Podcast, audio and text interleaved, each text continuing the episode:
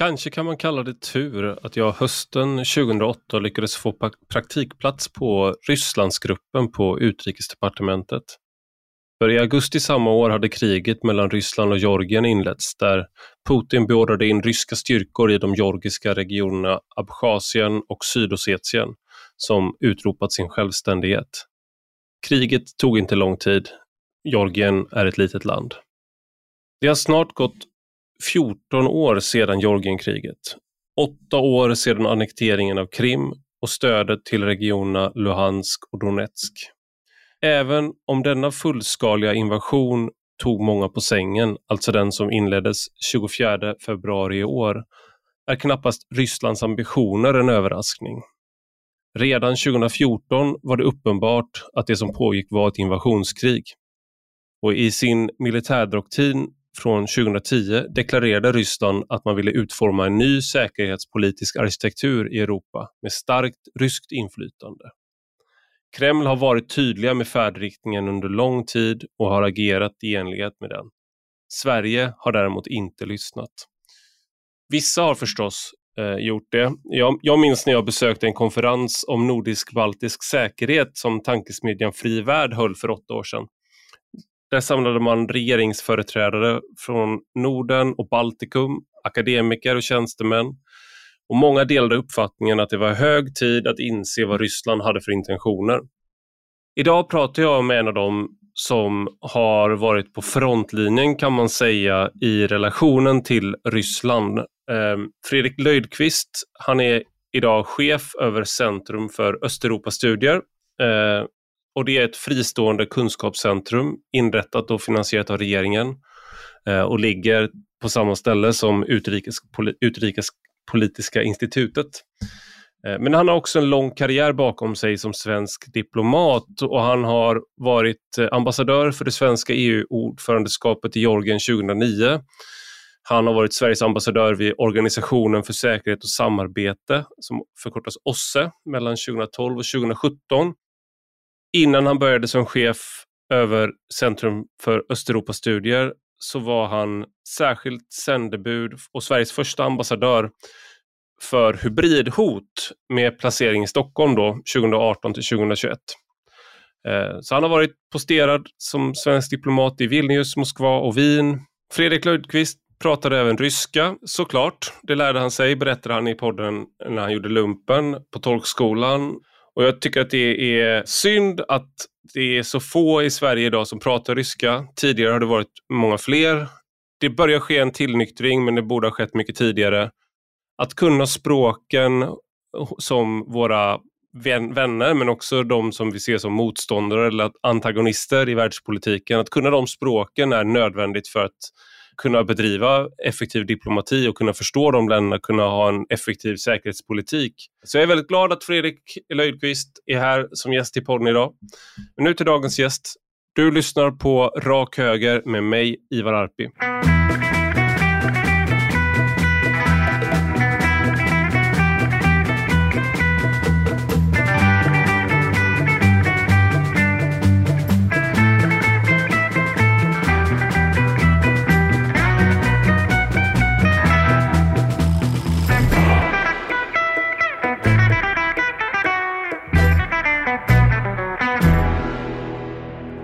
Välkommen Fredrik Löjdqvist till Rak Höger. Tack så mycket, roligt att vara här. Kul att ha dig här. Och du, bara för att presentera dig, du är chef för Centrum för Östeuropastudier, Stockholm Center for Eastern European Studies. Och det är ett fristående kunskapscentrum eh, som är inrättat och finansierat av regeringen. Och ni sitter tillsammans eh, med Utrikespolitiska institutet. Men ni, du har en lång karriär som diplomat, men du har, du har varit eh, stationerad eller posterad i Moskva. Du var ambassadör på svenska ordförandeskapet i Georgien 2009, alltså direkt efter Georgienkriget. Mm. Så jag tänkte, du har ju varit med och arbetat mot Ryssland och mot Östeuropa under lång tid. Vad var det som gjorde dig intresserad från första början? Och eh, hur har din syn på Ryssland och förhållandet till Ryssland förändrats över tid? Ja, eh, ja, ja, som så mycket annat i livet så halkade jag väl lite grann av en slump eh, in på de här frågorna. Eh, och det startade väl i princip med eh, att jag lärde mig ryska eh, i värnplikten eh, på Försvarets torgskola. Och det här var då i slutet av kalla krigsperioden, jag gjorde lumpen 1987-88. Eh, och sen fortsatte jag eh, att läsa ryska, öststatskunskap som det hette då och eh, arbetade och reste en del. Då först i slutet av forna Sovjetunionen men sen också då till, till Ryssland och så vidare. Och det här ledde väl så småningom då till att jag sökte mig in till UD, Utrikesdepartementet och blev antagen där 1994. Mm. Så att eh, jag har väl i olika på olika sätt nästan i, i, i 35 år hållit på med, med Ryssland, forna Sovjetunionen, eh, närområdet, Baltikum, eh, europeisk säkerhetspolitik och så vidare. Mm. Min första utlandspostering var i, i Vilnius eh, 94 till 97 eh, i Litauen. Eh, och de senaste eh, arbetena, tjänsterna som jag haft på UD då innan jag tog det här jobbet som chef för Östeuropacentrumet var att jag var Sveriges ambassadör vid Organisationen för säkerhet och samarbete i Europa 2012 till 17 och hade ju då eh, eh, möjlighet eh, att verkligen följa den ryska utmaningen mot den europeiska säkerhetsordningen och inte minst då efter eh, den ryska aggressionen mot Ukraina inleddes 2014. Eh, mm. Jag kom hem till Stockholm 2017 och sen 2018 fram tills för drygt ett år sedan så var jag Sveriges första ambassadör för hybridhot vid UD. Och sen då i mars förra året eh, så tillträdde jag då som chef eh, för det här nya eh, centrumet för Östeuropastudier och är tjänstledig från, eh, från UD. Okej, okay. alltså ambassadör, särskilt sändebud för hybridhot, är det, någon, är det då en ämnesplats eh, placering så att säga, att man arbetar särskilt med de sakerna eller arbetar du mot, arbetar du mot andra eh, organisationer och liknande är du liksom Sveriges särskilda expert på det som ska förhandla om de där sakerna? Eller? Ja, det kan man säga. Alltså, jag företrädde ju uh, Sverige då i olika internationella sammanhang. Det finns en särskild arbetsgrupp för hybridhot i, i EU och Bryssel. Och det finns också en, cybersek en cyberarbetsgrupp. Det finns ett europeiskt kunskapscentrum i uh, Helsingfors, Center of Excellence for Countering Hybrid Threats, där jag företrädde Sverige och så vidare. Och det här Eh, att man överhuvudtaget började tala om hybridhot i den meningen vi idag pratar om hybridhot, det var ju efterföljden av den ryska aggressionen mot Ukraina 2014. Och då vidtog ju både EU och NATO och det internationella eh, samfundet i stort en, en mängd olika åtgärder. Mm. Eh, så det var väl naturligt då för Utrikesdepartementet att inrätta den här tjänsten då, som var knuten till enheten för europeisk säkerhetspolitik. Jag tänker hybridhot, det, det, som skedde då 2014 som jag har förstått hybridkrigföring det är att det var hela tiden gränslandet mellan krig och eh, påverkan och att man eh, till exempel man började prata om små gröna män blev ett sånt där uttryck där trupper utan som inte gick att identifiera gick in och tog över Krim väldigt snabbt. Och Ryssland förklarade ju aldrig krig mot eh, Ukraina då och inte heller i Donbass eller Luhansk gjorde man ju det. Men nu då, det blir ju en, eh, det är alltid, man brukar säga det här i säkerhetspolitik att man alltid planerar för det senaste kriget. Och det här blir väl lite så att man kanske hade, många hade väl tänkt att eftersom de hade så stor framgång med det de hade gjort då, att de inte skulle göra den här typen av konventionell krigshandling som man har gjort i Ukraina mm. nu. Mm. Ja, alltså det finns många olika definitioner och begrepp eh, för det här. Eh, och jag föredrar begreppet hybridhot och det är också det som är etablerat av EU och, och, och NATO och det språkbruk som UD och, och eh, ja, senaste försvarsberedningen och försvarsproppen använder och så vidare. Det viktiga med det, med hybridhoten, det är ju att det är ett antagonistiskt beteende som går ut på att skada eller påverka våra samhällen och vår, vår demokratisk, vårt demokratiska besluts, politiska beslutsfattande. Men med medel eh, som då inte är militära, alltså som inte utgör en väpnad aggression. Um, och det, poängen med hybridhot är ju det, dels att de är sammansatta. Eh, det består liksom inte bara av en desinformationskampanj eller en cyberattack eller, eller någon subversiv verksamhet, som vad det nu kan vara, utan det är liksom det sammantagna som pågår. Ehm, eh, och, att det, och också att det då eh, ytterst härrör från främmande statliga aktörer. Tidigare hade man ju definierat säkerhetspolitik mer i termen att det handlade, det var liksom gränssnittet mellan försvarspolitik och utrikespolitik. Mm. Eh, och här kommer man in då, det är liksom helt nya sätt, alltså sätten i sig är inte nya, det här, vi känner till det här från, från eh, Trojanska hästen och Iliaden och Sun Tzu och så vidare, mm. men, men omfattningen på det. Eh, och ofta så är det ju ett, en utmaning med hybridhoten är då att de är då med, ofta medvetet designade för att skapa förvirring och förnekbarhet. Eh, och att de ska vara svåra att upptäcka. Eh, Eh, och att de också då skär tvärs igenom gränsen mellan inre och yttre säkerhet. Därför att eh, å ena sidan är hybridhotet ett klassiskt utrikes och säkerhetspolitiskt problem. Det är en främmande stat som vill på, göra oss någonting illa, påverka oss i, i, i någon riktning eller skada oss. Men sätt sättet som det här hoten ofta manifesterar sig på är ofta inom området för in, in, inrikes säkerhet. Mm. Eh, och våra sätt att bemöta dem handlar om det. Och en, en del är olagligt och en del strider mot folkrätten, annat är det inte. Alltså desinformation är i sig vare sig i de flesta fall varken olagligt eller strider mot, mot, mot folkrätten och så vidare. Mm. Eh, men det viktiga med det här är att man, det handlar inte om antingen eller utan det handlar om både och. Alltså det, det, den antagonistiska verktygslådan har breddats från att inte bara omfatta militära medel utan även icke-militära medel. Och ofta så är det väldigt svårt, det här handlar inte om ett digitalt noll eller ett utan det här är ett spektrum från liksom, de skarpa militära eh, medel till då icke-militära eh, eh medel.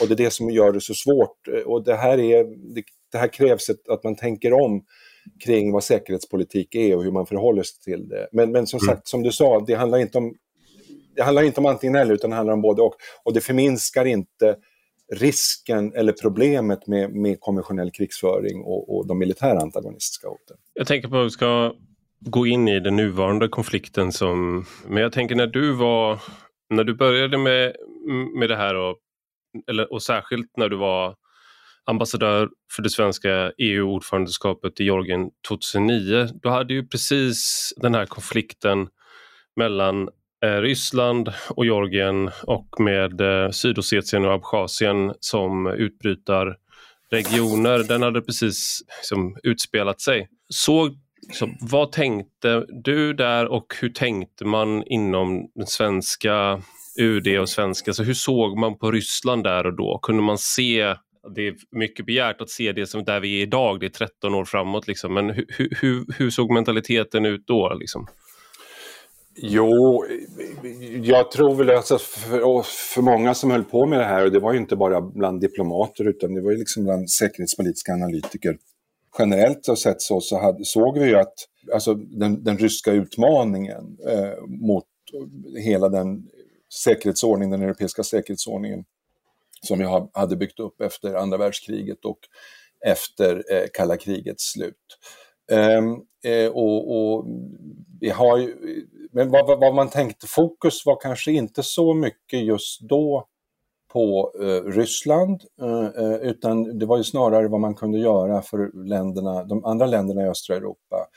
Mm. Och en, en ett viktigt fokus för det svenska EU-ordförandeskapet i förhållande till Georgien och de andra länderna, det var ju att vi skulle rulla ut då det som sen blev det östliga partnerskapet. Mm. Eh, och som består då av, av, politisk associering och ett fördjupat eh, eh frihandelsavtal med, med EU. Så när jag jobbade med och mot Georgien då två, hösten 2009 så handlade det väldigt mycket om att rulla ut det här östliga partnerskapet och, och hjälpa till de här länderna att, att modernisera sig, att komma ut ur det här så att säga postsovjetiska eh, gravitationsfältet eller träsket eller vad man ska säga och, och, och arbeta med frågor som rör eh, god samhällsstyrning, eh, eh, eh ekonomisk integration, politisk integration och så vidare. Mm. Och 2008 var väl det året där man, George W Bush sa att eh, både Georgien och Ukraina eh, skulle kunna bli NATO-medlemmar om, om jag inte minns fel och att man även man kunde se dem som potentiella medlemmar. Så det var ju i det var NATO-toppmötet i Bukarest på försommaren 2008. just det. Ja, precis. Och det var efter det som det här eh, som in, Ryssland gick in i Abchazien och Sydossetien och eh, hjälpte dem att bryta sig loss, så att säga, eh, från Georgien. Mm, en kritik som har kommit från eh, det man brukar kalla realister, vilket ju låter väldigt, alltid fint att vara realist, men inom internationella relationer så handlar det om en syn på eh, internationell politik. Jag förklarar inte det här för dig nu, men bara om man inte har läst internationella relationer så man, vet man kanske inte det, men då att man ser stater som utkastade i en anarkisk situation och det finns varken rätt eller fel egentligen, eller om det finns så är det underordnat strategiska avvägningar och en del av dem som John Mearsheimer är en av de kändaste, han menar att det är, han sa det här för sex år sedan då att och det är andra som sagt liknande saker, att eh, skulden för det som sker i Ukraina just nu är delvis EUs och NATOs för att man har sträckt ut då sin, eh, eh man har eh, sagt till dem att ni kommer kunna bli en del av oss samtidigt som Ryssland hela tiden har sagt att det kan de inte alls. Jag skulle gärna höra hur du, hur du tänker på den kritiken mot hur EU eh, e och, NATO och liksom framförallt EU och Sverige då som vi, vi har ju det östliga partnerskapet och liknande. Mm. Hur, hur, ser du på den kritiken? Ja, jag ska inte ge mig in i någon lång diskussion, akademisk diskussion om, om, om, om realismen, internationella relationer och ibland så brukar man ju tala om motsatsen till realismen för lite nedsättande, att det skulle vara idealism då så att säga. Mm. Eh, jag tycker att de här beteckningarna och etiketterna är eh, missvisande eh, och de, om, de riskerar att liksom föra in diskussionen på lite felaktiga vägar. Mm. Eh, eh, och man kan också dra olika normativa slutsatser av det här, huruvida man då ska vara eh, en, en hök eller en duva eh, eh, och så vidare. Och det finns alla möjliga schatteringar på det där. Mm. Jag som tycker det som är viktigt och det som också har varit centralt och viktigt för Sverige, det är en, en ordning baserad på folkrätten inte minst som den då kom att utformas efter andra världskrigets slut med, med FN-stadgan och andra saker. Och som sen utvecklades till det som vi idag brukar kalla för den europeiska säkerhetsordningen med två viktiga grunddokument, grundhändelser och det var då slutakten i Helsingfors, eh, Europeiska säkerhetskonferensen 1975 och Parisstadgan 1990 och jag brukar kalla det här för den europeiska säkerhetsordningens gamla och nya testamente. Mm. Eh, och det är en ordning som bygger på att stat, alltså relationerna mellan eh, eh, stater ska följa då eh, vissa normer eh, och regler som, man, som dessutom är, man har kommit överens om. Det här är inte någonting som någon försöker tvinga på någonting annat utan Sovjetunionen och sen Ryssland är ju så att säga, har ju undertecknat de här dokumenten. Mm. Och det som då är intressant och revolutionerande skulle jag säga med den här OSSE-baserade säkerhetsordningen, alltså Organisationen för säkerhet och samarbete i Europa med Helsingfors och Paris, det är då att man arbetar med ett så kallat brett säkerhetsbegrepp. Och eh, på engelska brukar man tala om the comprehensive concept of security, vilket innebär att man gör en direkt koppling mellan förhållandena inom stater å ena sidan och eh, säkerheten mellan stater å den andra sidan. Eh, och inte minst när det gäller respekten för demokrati, mänskliga rättigheter och eh, rättsstatens principer. Eh, och det här har varit väldigt grundläggande och inte minst också för Sverige. Det här är inte bara vackra ord utan det här skulle jag säga, det här är liksom ett hårt säkerhetspolitiskt intresse. Att, mm. man, att man har och upprätthåller, vidmakthåller en sån här ordning. Eh, och det som jag har sett med, med, med, med Ryssland då, det är ju att vi har sett en utveckling och, och, man kan diskutera när den började, men jag tror att den började tidigare. Den, den, började tidigare än vad många analytiker idag säger att den började och den kanske började redan med Putins eh, makttillträde då, 2000. Mm. Det är den här olyckliga kopplingen, alltså ömsesidiga eh, kopplingen mellan intern repression och extern aggression. Eh, det vill säga att eh, länder som då inte respekterar mänskliga rättigheter och demokrati, de tenderar att bli mer eh, aggressiva också när det gäller i förhållande till andra stater i det internationella umgänget. Och när de har blivit mer aggressiva eh, externt så måste man då stärka den interna repressionen. Och det är precis det vi har sett i Ryssland över de senaste eh, 12-15 eh, eh, eh, åren. Mm. är väldigt tydligt. Och jag menar att det är liksom inte meningsfullt att tänka bort det här normativa eh, anslaget eh, och det, den ordning som jag har försökt bygga på. Men då, kan, då, finns det invändningen då, ja men det här är ju, eh, det finns liksom ingen internationella domstolar, ingen, ingen internationell eh, polis och så vidare. Utan vi befinner oss i det här hobbesianska, anarkistiska eh, systemet. Mm. Och det där, min invändning mot det är att ja, det där är ju inte riktigt sant. För att det är klart att det finns olika mekanismer för ansvarsutkrävande. Och det tycker jag är ett väldigt viktigt ord. Eh, ansvarsutkrävande, att regelbrott, brott mot de här reglerna kan inte ignoreras utan de måste då, man måste peka ut dem och de som är, är ansvariga och skyldiga måste hållas ansvariga för detta. Det mm. kan göras på en mängd olika sätt, uh, politiskt och ekonomiskt ansvarsutkrävande. Vi har nu hela sanktions, uh, olika politiska ekonomiska sanktioner. Det handlar om att man tydligt så att säga, uttalar sig om ansvarsförhållandena. Eh, och det finns olika eh, alltså internationella domstolar eh, eh och, och, och, eh, liksom olika folkrättsliga mekanismer. Så att, eh, och, och det är den ordningen som vi ser nu hur Ryssland under en lång tid inte bara har brutit emot de här reglerna, alltså territoriell integritet, gränsers okränkbarhet, eh, eh, suveränitet, varje lands eh, eh självklara och självständiga rätt att göra egna Eh, säkerhetspolitiska arrangemang men också respekt för demokrati och mänskliga rättigheter och sådana saker. Mm. Eh, och det har vi ju sett tydligt uttalat från ryskt håll åtminstone sedan 2007, Putins tal i, i säkerhetskonferensen i München, eh, aggressionen mot Georgien och så vidare. Men i den tidigare frågan, det är klart att det fanns en fördröjning i det västerländska, i, i västs förståelse av vad som höll på att ske.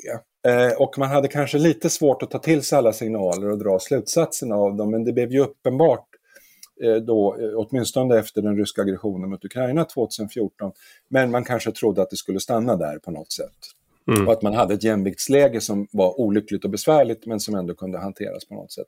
Och det vi har sett byggas upp över de senaste året här, det är ju att, att Ryssland eh, eh absolut inte är nöjda med, eh, nöjt med status quo utan man vill flytta fram positionerna.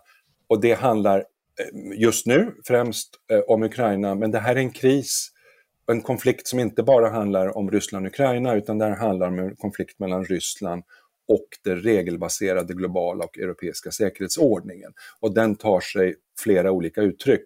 Så att det är viktigt att komma ihåg att det här inte bara handlar om Ukraina, utan det, det handlar om, om vår säkerhet, om allas säkerhet och, mm. på europeisk nivå och på den globala nivån. Och det här är ju då en, vad ska man säga, som du, som du sa där, dikotomin mellan realism och idealism. Då hör man ju att det är bättre att vara realist.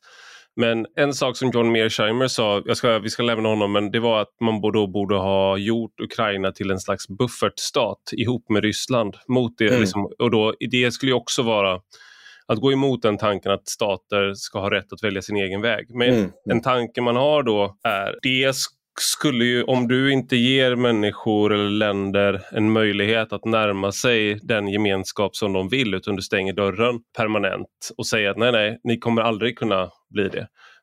Då finns det ju en annan valmöjlighet och det är att man närmar sig den andra sidan när den dörren är stängd. Så att jag tänker att det inte alls är en särskilt, det skulle ha varit en eh, det, det är inte säkert att det skulle ha funkat. Jag tänker mig att det skulle vara ett ganska bra sätt att få, om man hade gjort så, på 90-talet eller eh, början av 2000-talet, eh, då tror jag att man skulle ha haft eh, svårt att få Ukraina och Georgien att vara så pass västtillvända som de ändå är och, mm, och liksom i sin ambition.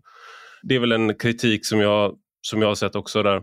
En annan sak jag tänker med, alltså Putin framställs ju som, det kanske är ointressant att säga om han är galen, tokig, eh, sinnesrubbad. Eh, man, man, den typen av uttryck slängs runt och man har, man har intervju, journalister har intervjuat folk som har träffat Putin. Det var något citat som snurrade runt, jag tror det var Margot Wallström, då hon sa att han hade de kallaste ögon hon någonsin hade sett.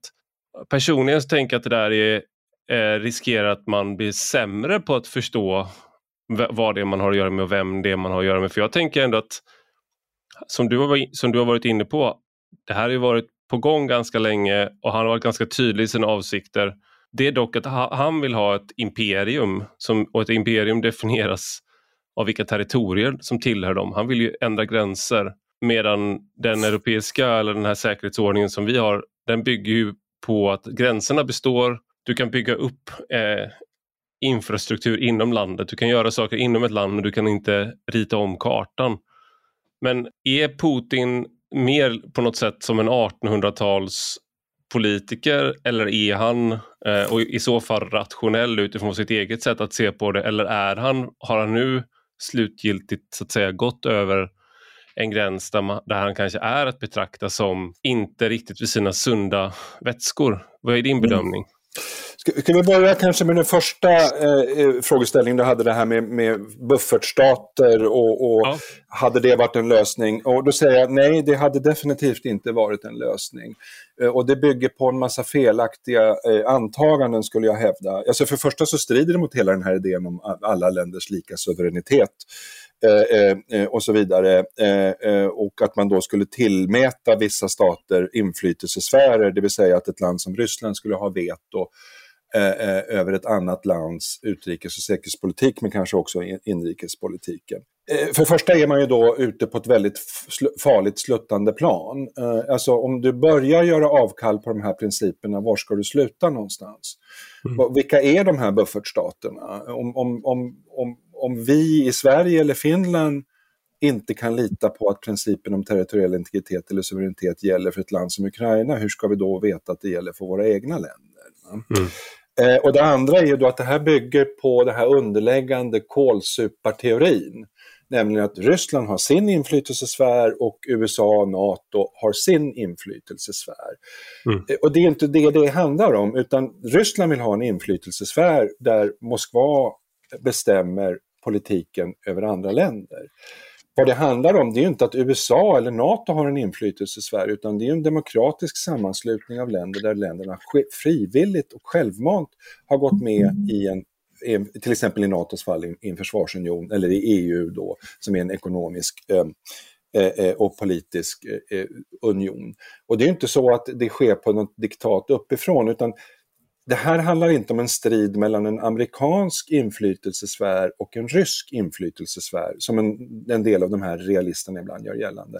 Utan det gäller ju, det, det här är en strid eller en konflikt mellan en ordning, eh, eh, den säkerhetsordningen där länderna är suveräna och gör sina egna val och någon som vill ändra den ordningen, nämligen Ryssland. Det är så man måste formulera eh, det mm. problemet. Mm. Och då leder vi in till det här, din andra fråga om, om, om, om Putin och hans rationalitet och alltså politiska paradigm. Eh, eh, låt oss eh, jag vill först kommentera Putin fram till den 24 februari. Mm. Och då skulle jag hävda att för första var de ryska, och när jag säger ryska här så menar jag den ryska politiska ledningen, alltså Kreml. Jag pratar inte om de, det ryska folket som om det ryska folket skulle ha någon inneboende eh, genetisk säkerhetspolitisk hållning. Det tycker jag är, är nys och gränsar till eh, nästan eh, rasism att påstå sådana Ja, det håller jag med om. Eh, eh, men, men, men den ryska ledningen, och då var det helt klart, för första så var det absolut inget mysterium eller någon gåta eller något konstigt vad de ville uppnå. Det hävdas ibland att det är så svårt att förstå vad, vad Ryssland vill. Och så. Det var ju bara att lyssna till vad de säger och vad de skriver. Mm. Och de vill ju ha en, en, en, en, en, ny säkerhetsordning som bygger på flera olika komponenter. Den första är då eh, att man inte, man vill bort från det här med vad man kallar för inre eh, inblandning i inre angelägenheter, alltså sånt som gör mänskliga rättigheter och demokrati. Eh, därför att, och det handlar om regimsäkerhet, därför att om eh, revolutionerna i, i Ukraina kunde lyckas, i Majdan, och att ett land som Ukraina kunde utvecklas till en europeisk modern stat med demokrati och respekt för mänskliga rättigheter och där folket i fria val väljer sin ledning och så, ja då kunde det också hända i Moskva och Ryssland. Och det kunde man inte tillåta. Så det första är då att man vill komma bort från det här det breda säkerhetsbegreppet. Den andra ryska målsättningen var ju då alltså det här med inflytande eller intressesfärer Eh, att man ville ha buffertstater eller stater då som man styr över. Eh, och sammantaget så utgör ju det här då att man vill ha en, en, en ny eller en annan slags säkerhetsordning. Och den säkerhetsordningen kan man ju säga går ju tillbaka på någonting som antingen då du nämnde 1800-talet, det vill säga någonting i stil med, med Wienkongressen i kombination med den heliga alliansen. Det vill säga att det finns bara några riktiga stormakter. Eh, stormaktsstatusen bygger ytterst på militärt våldskapital Eh, och andra mindre länder, svagare länder, har bara inrättat sig i, olika inflytelsesfärer. Eller man kan dra parallellen då till Jalta, Jalta-konferensen då 1945, där, mm. som var början till det kalla kriget, där man delade upp Europa i världen i, i olika inflytelsesfärer. Mm. Och det, det som också blev tydligt uttalat, eh, som man hade kunnat se, men som blev tydligt uttalat i december med de här ryska kravlistorna, det var ju då att man ville också få, få till stånd en en mer permanent skifte i den militära maktbalansen, både den konventionella och den strategiska kärnvapenbalansen i Europa i förhållande till USA. Mm. De här målsättningarna var tydligt uttalade och det var liksom lätt att identifiera dem.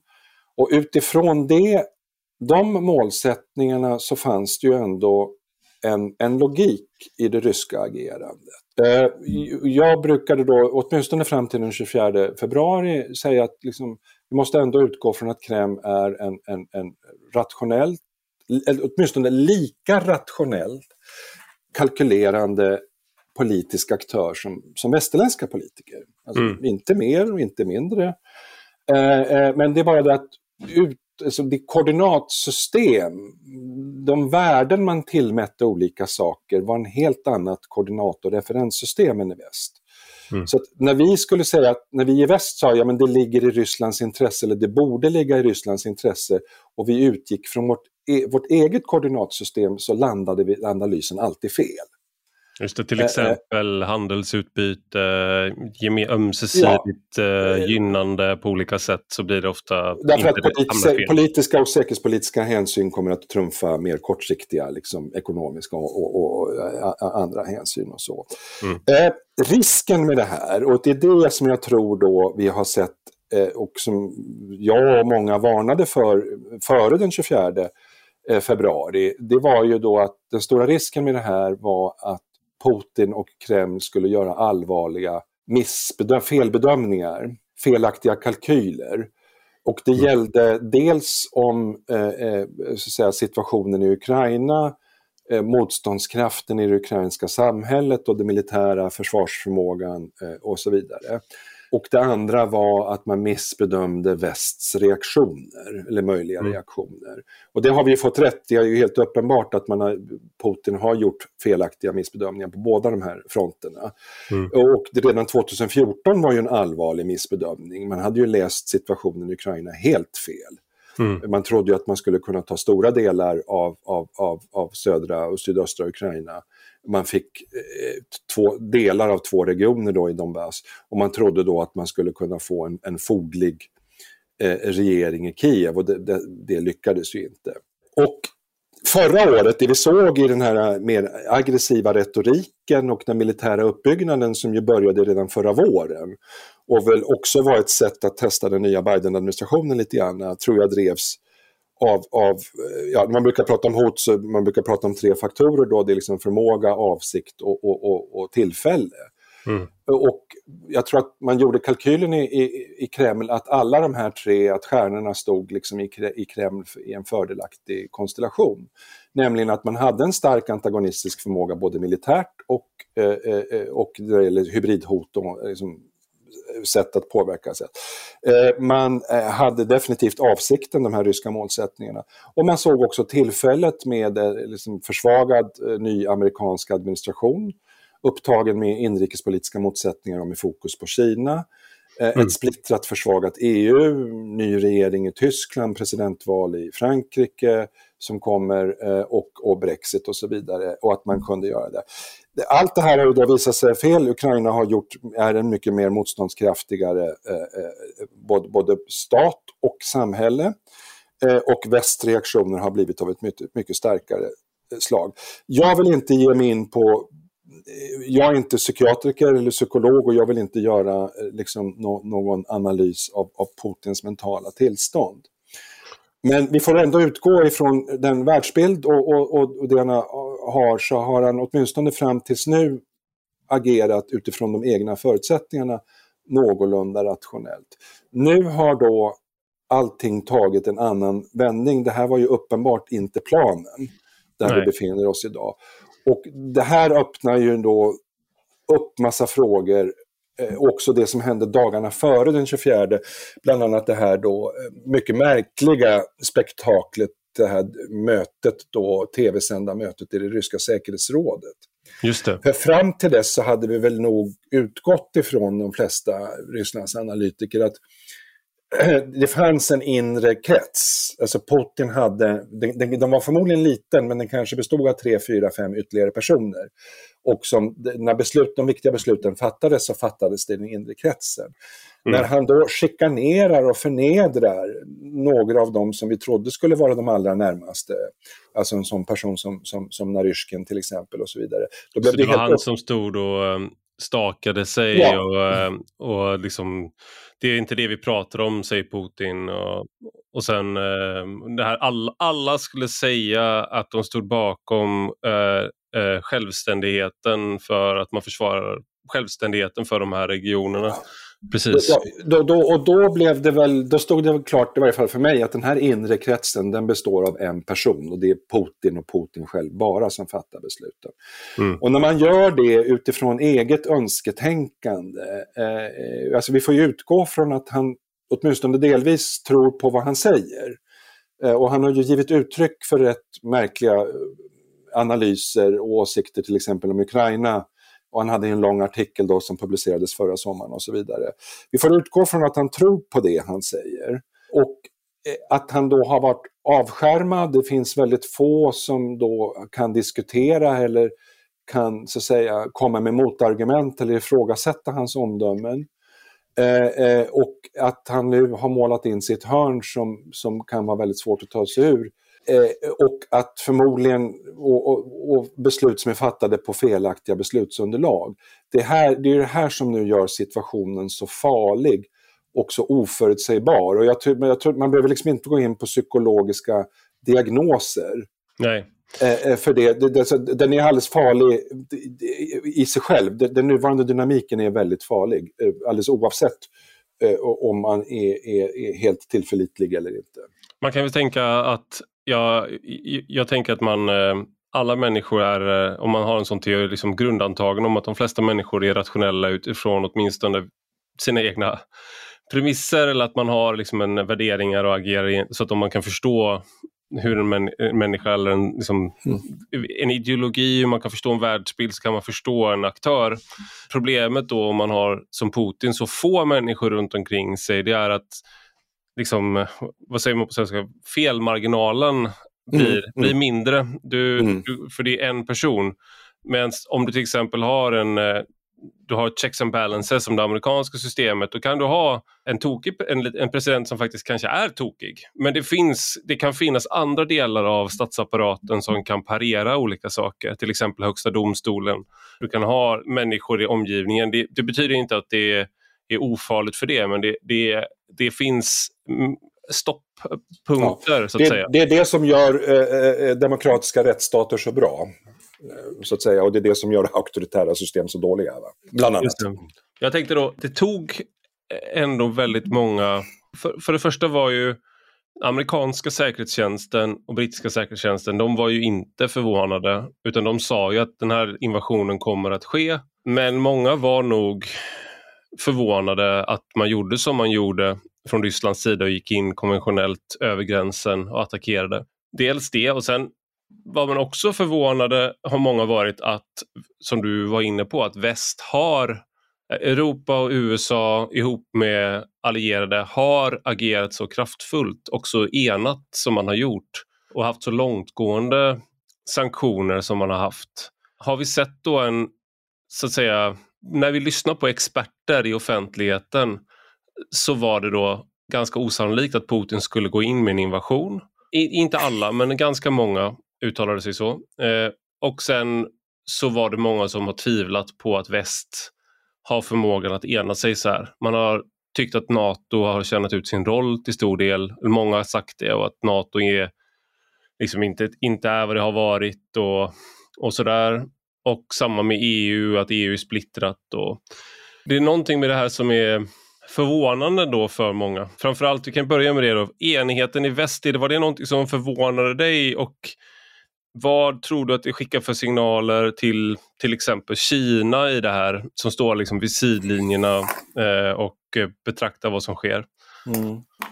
Ja, alltså för personlig del så skulle jag säga att, att, att Ryssland har ett militärt våldskapital och att de ville använda detta militära våldskapital, eh, eh, alltså man la ju en väldigt stor pistol på bordet förra året under hösten och under vintern här. Mm. Att det var helt uppenbart att man ville använda militärt våld eller hot om militärt våld för att uppnå politiska medel och det handlade ju om att politisk kontroll över, över beslutsfattande i Kiev. Alltså, jag har svårt att se att det verkligen skulle ha kommit så särskilt överraskande för, för många. Jag måste nog säga att det vi var nog ändå många som pekade på, på detta. Sen kan man då diskutera liksom tidpunkten och det exakta sättet det kom på och så vidare. Så för mig var det mindre, en mindre överraskning. Eh, eh, eh och jag, var nog, jag var nog förvånad, jag tror alla är nog förvånade, snarare över den, den robusthet och eh, med, med, med, eh, hur resolut man från västs sida och, och, samlat har, har kunnat agera och det är väldigt fort. Och alltså, vi lever ju vi lever i en ny värld efter den 24 februari. Mm. Det, det, finns inget, vi kommer aldrig kunna gå tillbaka eh, till något status quo ante, till en situation som rådde innan. Och uppenbarligen så gick då Putin eh, eh, över de trösklar eh, som, som då tvingade många och väldigt hastigt att göra väldigt ordentliga omprövningar. Mm. Det gäller ju inte minst ett land som Tyskland som ju då har gjort nästan en 180 graders svängning i, i, avgörande frågor när det gäller synen på Ryssland. Sanktioner, Nord Stream, men, men också försvarspolitiska åtgärder, eh, alltså vapenleveranser till Ukraina och stärkandet av det tyska försvaret och så vidare. Vad var det, 100 miljarder euro på ett bräde? Ja, i, i, i, en särskild fond då, och man ska ja. komma upp till 2 i, i, i, i försvarsutgifter. Just det. Eh, och det här tror jag nog har förvånat, det här utlöste ju en dynamik.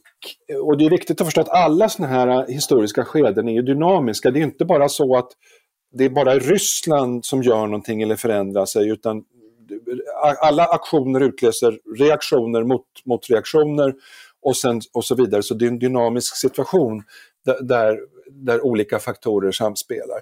Men om jag, och jag tror att det här har kommit också för våra egna västerländska politiker så har det här kommit till en stor överraskning med, med, den, med den snabbhet och den, den alltså resoluthet eller vad det heter, robusthet som man har mm. agerat. Och det har nog definitivt kommit som en väldigt stor överraskning för, för Putin, för Kreml, för det ryska ledarskapet men också nu för, för den, alltså det ryska samhället och den ryska befolkningen som nog inte alls eh, var förberedda på det här. Jag tänker, de här sanktionerna är långtgående på ett sätt som saknar motstycke på ja, det, det, det, blir liksom de facto en ganska eh, ett nytt kallt krig eller om kalla kriget någon, någonsin tog slut kan man ju undra nu i efterhand då. Men en tanke om det man vill göra, det man skulle vilja, det man, det man skulle vilja hoppas med sanktionerna det är ju att du tar bort makt från eliterna, du ger dem mindre möjlighet att agera militärt och ge dem mindre frihet på olika sätt. De kan inte vara fri agera fritt i väst som de har gjort, de kan inte semestra i Biarritz, de kan inte göra de här sakerna eh, som de har varit vana att göra. Men en annan sak som jag, som jag undrar över är, kan det bli så att istället för att då befolkningen blir så här arg på Putin så att säga och, och Kreml för att de här sanktionerna införs, att de istället blir arga på väst och att man sluter sig tillsammans. Vad, vad, vad, tror du är, vad är best case och worst case scenario med de här sanktionerna som, som man nu inför mot Ryssland? Nu är ju, alltså, mycket av det som har införts är, är ju sanktioner i den mer så att säga, politisk, rättsliga, juridiska bemärkelsen. Men det finns ju också en, en, en mängd åtgärder som nu vidtas som liksom inte är sanktioner eh, mm. eh, i, i den här mer snävare betydelsen. Men ja, det är företag som drar sig ut, det är kulturutbyten som, som eh, Eh, eh, som ställs in, eh, Putinvänliga dirigenter i München får sparken och så vidare. Det är, liksom mm. en, det är ju inte sanktioner i, i den här mer snävare betydelsen. Nej. Eh, ja, sanktioner är ett, ett, stort och besvärligt kapitel. De är ju helt, eh, tror jag, helt oundgängliga och ofrånkomliga i en sån här situation som en del av, av ansvarsutkrävandet som jag talade om. Mm. Eh, och det är också en del, dels så vill man ju då, syftet med sanktioner är ju Eh, att man vill uppnå liksom, en förändrad kostnadskalkyl eh, och att man vill få, få till stånd en förändring av ett icke önskvärt beteende. Mm. Eh, det är den direkta orsaken, men sanktioner bygger ju också på sikt en, en, så att säga, en avskräckningshållning. En, en, alltså det, man brukar tala om på engelska deterrence posture. Mm. Eh, och, och, avskräckning handlar ju om att man, det är egentligen ett psykologiskt fenomen där man signalerar till motståndaren, kontrahenten, att vi är både förmögna och villiga att vidta åtgärder som syftar till att skada dig eller förändra ditt mm. beteende. Så det handlar ju också om att genom att man har vidtagit de här åtgärderna så visar man ju också att vi kommer i, även i framtiden att vara beredd att vidta ytterligare åtgärder. Eh, du pekar på ett viktigt problem här och det hänger ihop med, med det här som jag var inne på tidigare, nämligen den, alltså, den ö, kraftigt ökande repressionen i Ryssland och den bristande då yttrande och eh, pressfriheten. Och den har ju skruvats åt under en lång tid, åtminstone, ja, alltså jag lämnade, jag arbetade i Moskva 97 till 2001. Mm. Och upplevde då Putins makttillträde och förutom då det andra Tjetjenienkriget och att Putin tog kontroll över ekonomin och oligarkernas pengar så var man ju, en av de sakerna man gjorde väldigt tidigt, det var ju också att ta kontroll över oberoende mediastationer, eh, alltså NTV och, och, andra. Så det började väldigt tidigt. Sen har ju då gradvis skruvats åt eh, och, och sen så accelererade det efter 2012 eh, och ännu mer efter 2014 och ännu mer. Och det vi ser nu de senaste veckorna och dagarna, Eh, det är ju att man i princip håller på att avskärma hela, det finns inga fria oberoende ryska medier idag som har möjlighet att verka. Eh, och man stänger nu av eh, olika sociala plattformar och försöker avskärma internet mer och mer från omvärlden. Och det här är ett reellt problem och som jag tror akut här och nu väst måste hitta på åtgärder för att komma till rätta med. Därför att det är en, en stor del av den ryska befolkningen nu som lever i ett helt parallellt universum. Just det, där man bekämpar nazister i Ukraina och försöker rädda eh, rysktalande från ett folkmord. Och... Och, och, och så vidare. Och det bygger på en, en Kreml-propaganda och en retorik som ju då har funnits i många, många år. Men som då har blivit väldigt aggressiv, inte minst det senaste året och, och den senaste tiden. Eh, så att, visst, visst kan det, det leda till, eh, eh, och, och Putin och den ryska ledningen har ju också beskrivit satt ett narrativ kring de sanktioner som infördes efter 2014 som att det egentligen har varit någonting bra för Ryssland. Mm. Eh, och liksom att med självhushållning och, man liksom, eh, eh, och att man utvecklar det e-, egna jordbruket och den egna, egna ekonomin och så vidare. Mm. Så ska man komma ihåg att sanktioner, mycket, många av de sanktioner som har drabbat ryssar efter 2014, jag pratar nu inte om de senaste sanktionspaketen utan om de tidigare, mm. det var ju inte västs sanktioner utan det var ju så att säga de ryska motsanktioner. Ja, eh, eh, eh, där man då förbjöd eh, import av västerländska eller liksom utländska jordbruksprodukter och, och, och, och liksom sådana saker. Mm. Och det kommer ju säkert att komma ett, ett omfattande, det har väl eh, glunkats om det från Kreml, eh, ett, ett, ett, paket med ryska motsanktioner så småningom här. Där är vi ju inne i en, in, i en utveckling. Nu är det väldigt svårt att se, alltså när man ska prata scenarier här så ger man sig ut på eh, spekulationens väldigt tunna is. Men i det längre perspektivet så är det ju svårt att se att det som har hänt nu den senaste en och en halv veckan kan vara någonting annat än början på slutet för Putin.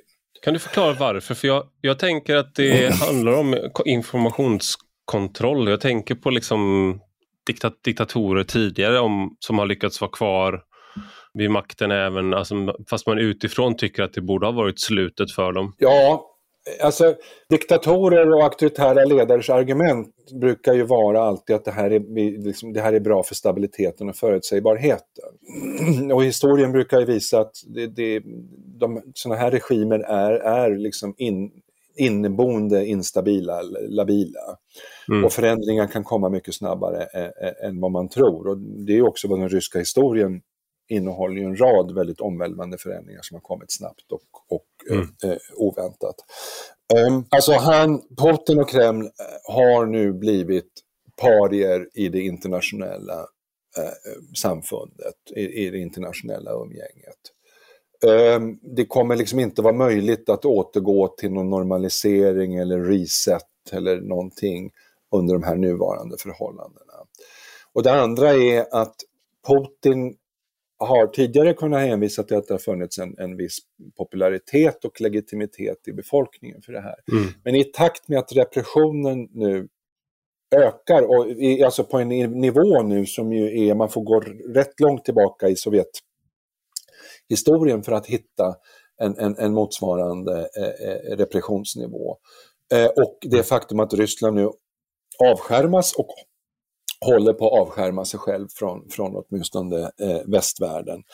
Så, så blir då, eh, alltså repression är ju inte legitimitet så att säga. Du kan inte bygga en, en, en folklig legitimitet. Och jag tänker mig, innan det här senaste då inträffat sedan den 21 februari brukade jag ibland säga, och det är alltid farligt med historiska paralleller, men att det fanns en viss parallellitet med Brezhnev-tiden.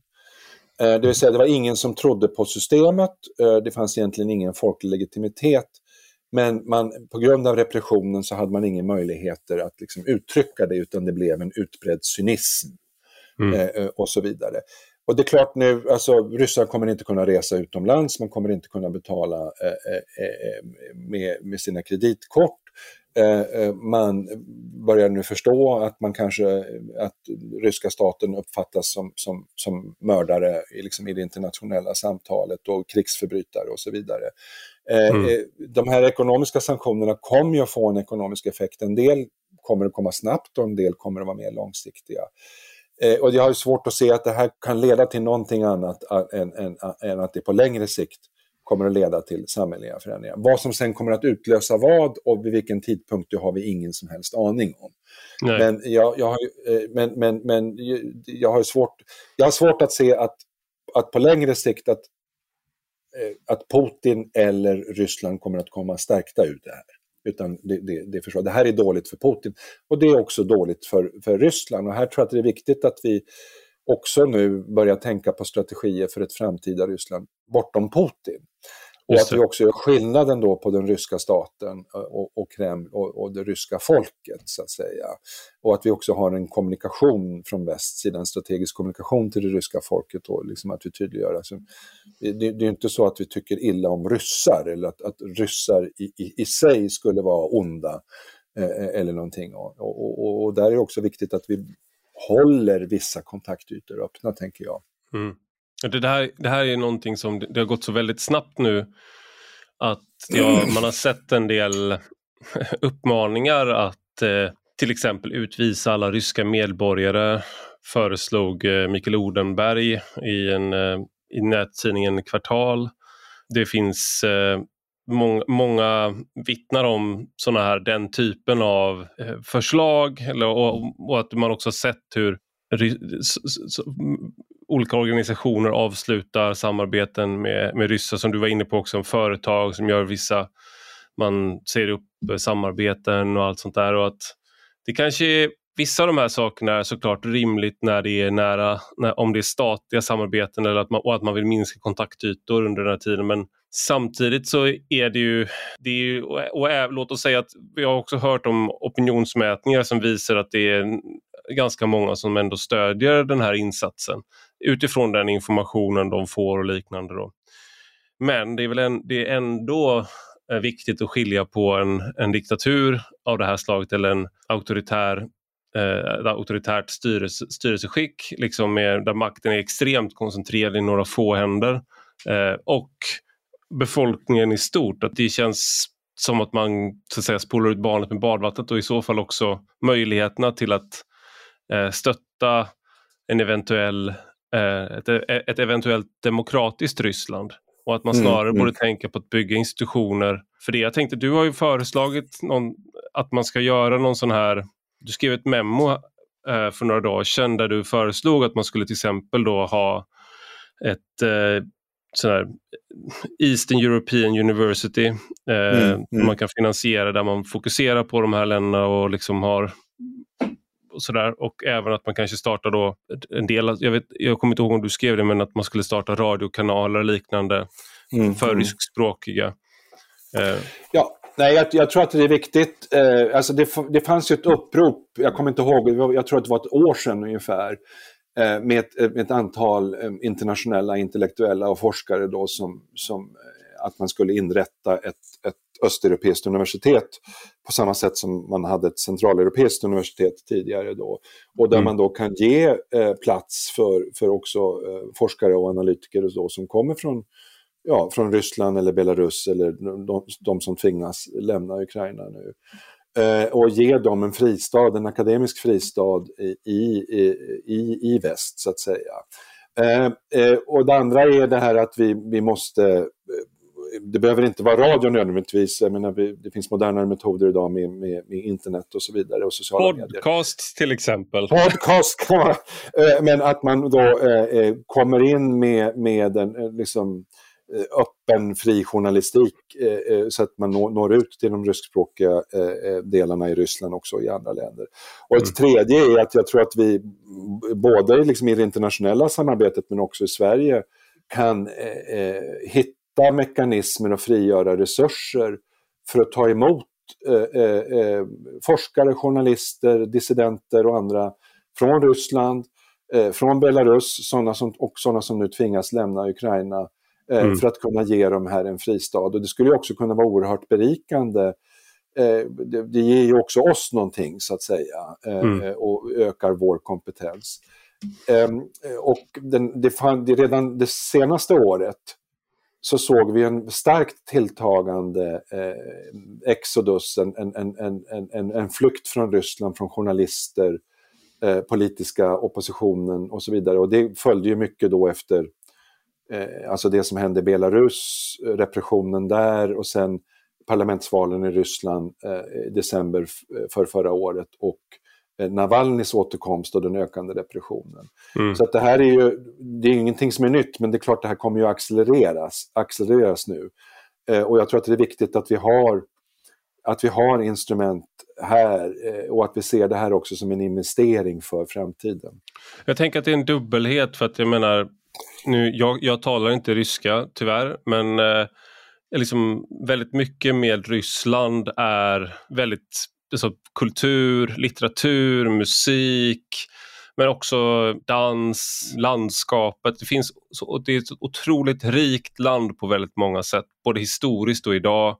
Och att man då kan ha en, känna en, en stark fascination och kärlek till den ryska kulturen på olika sätt eh, mm. och liksom vurma för den samtidigt som man har Kreml som, som fiende eller som att man är en, en motpart till. Och att man, eh, jag menar det är väl bäst, det bästa som kan hända Kreml tänker jag nu och Putin och hans liksom eh, hans anhang, det är att man, blir, att man verkligen blir det de har påstått att, man har, att, att vi har varit, det vill säga att, att man skulle vara någon slags russofob och vara rädd för allting ryskt.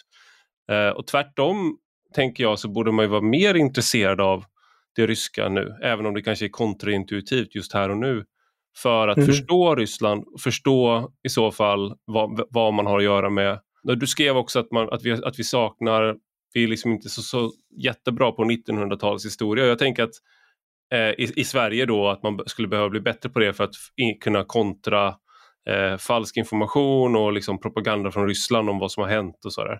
Men jag mm, tänker en, mm. en sak som också har hänt är att vi har blivit mindre intresserade av Ryssland. När, när du gjorde lumpen då 87-88 där då fanns det ju en naturlig, eh, ett naturligt intresse för Sovjet. Du lärde dig ryska i lumpen och sånt där. Men jag vet att när Gudrun Persson som är forskningsledare på eh, Totalförsvarets eh, forskningsinstitut. När hon intervjuades i Kvartal så pratade hon om att man snarare har rustat ner de eh, liksom, utbildningar och de institutioner som fanns under den tiden. Eh, och att färre kan ryska idag och färre har kunskap om Ryssland idag.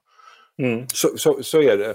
Eh, även om det har skett, jag menar inrättandet av, av det centrum som nu jag är satt att leda i, är ju ett, ett, ett, exempel på en åtgärd för att komma till rätta med det här och man har också gjort mm. satsningar på, på, på språk och realundervisningen i Uppsala universitet och, och, på andra ställen och det finns Södertörn.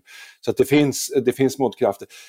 Vi ska komma ihåg, alltså, ur ett historiskt perspektiv, ett 1900-talsperspektiv eller ett efterkrigsperspektiv skulle jag säga att Sverige har varit väldigt väl rustade. Vi har haft väldigt duktiga Eh, översättare. Vi har haft, eh, alltså från, från, rysk litteratur, vi har haft väldigt duktiga kultur och litteraturvetare. Och vi har ett, en del av det här har ju varit tack vare att Försvarsmakten då under kalla kriget utbildade, det var inte bara tågskolan utan det fanns ju också andra delar där man ut, utbildade ryskkunniga, men inte bara. Eh, eh, och, eh, och, att vi har haft en kännedom och kunskap och intresse för, för rysk och annan östeuropeisk kultur, också pol, pols, polska. Och jag tänker att författare mm. så, som, som fick, fick Nobelpriset, som, alltså polska poeten och författaren Czesław Miłosz, eller en sån som Josef Brodsky, de var ju stora och bekanta i Sverige innan de fick Nobelpriset och det bidrog väl också till att de fick Nobelpriset.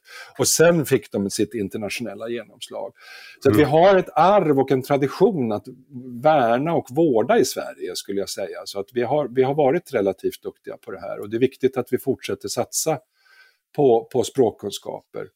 Och, men inte bara skulle jag då säga, inte bara ryska utan att vi också då skaffar oss en egen kunskap och bild och uppfattning och analys av länder som Belarus och Ukraina, Georgien, Moldavien, Azerbajdzjan, Armenien och andra. Mm. Och att vi inte bara ser det genom Moskvas prisma eller genom det här sovjetiska eller postsovjetiska prismat. Så det handlar inte bara om Ryssland, eh, men Ryssland är väldigt viktigt och stort. Men också att vi då inte, och här tycker jag det finns framförallt många av, av väldigt kreativa, eh, aktiva småförlag och andra som ger ut till exempel belarusisk litteratur och det ordnas eh, litteratur och kulturevenemang. Mm. Och det tror jag blir än viktigare, också för att ge de här andra rösterna, anständighetens röster, att ge dem en möjlighet att bli hörda och uttrycka sig och att vi kan ha den här differentierade synen på och också tydligtvis att det här handlar inte om russofobi.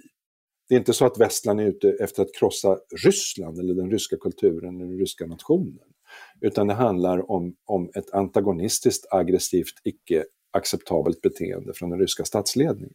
Alltså drömmen som var under 90-talet, det var ju att integrera Ryssland i Europa och att man blir, de blev, skulle bli ett land som andra. Det var ju såklart kanske många som inte trodde att det skulle ske och med, med visst fog får man ju säga.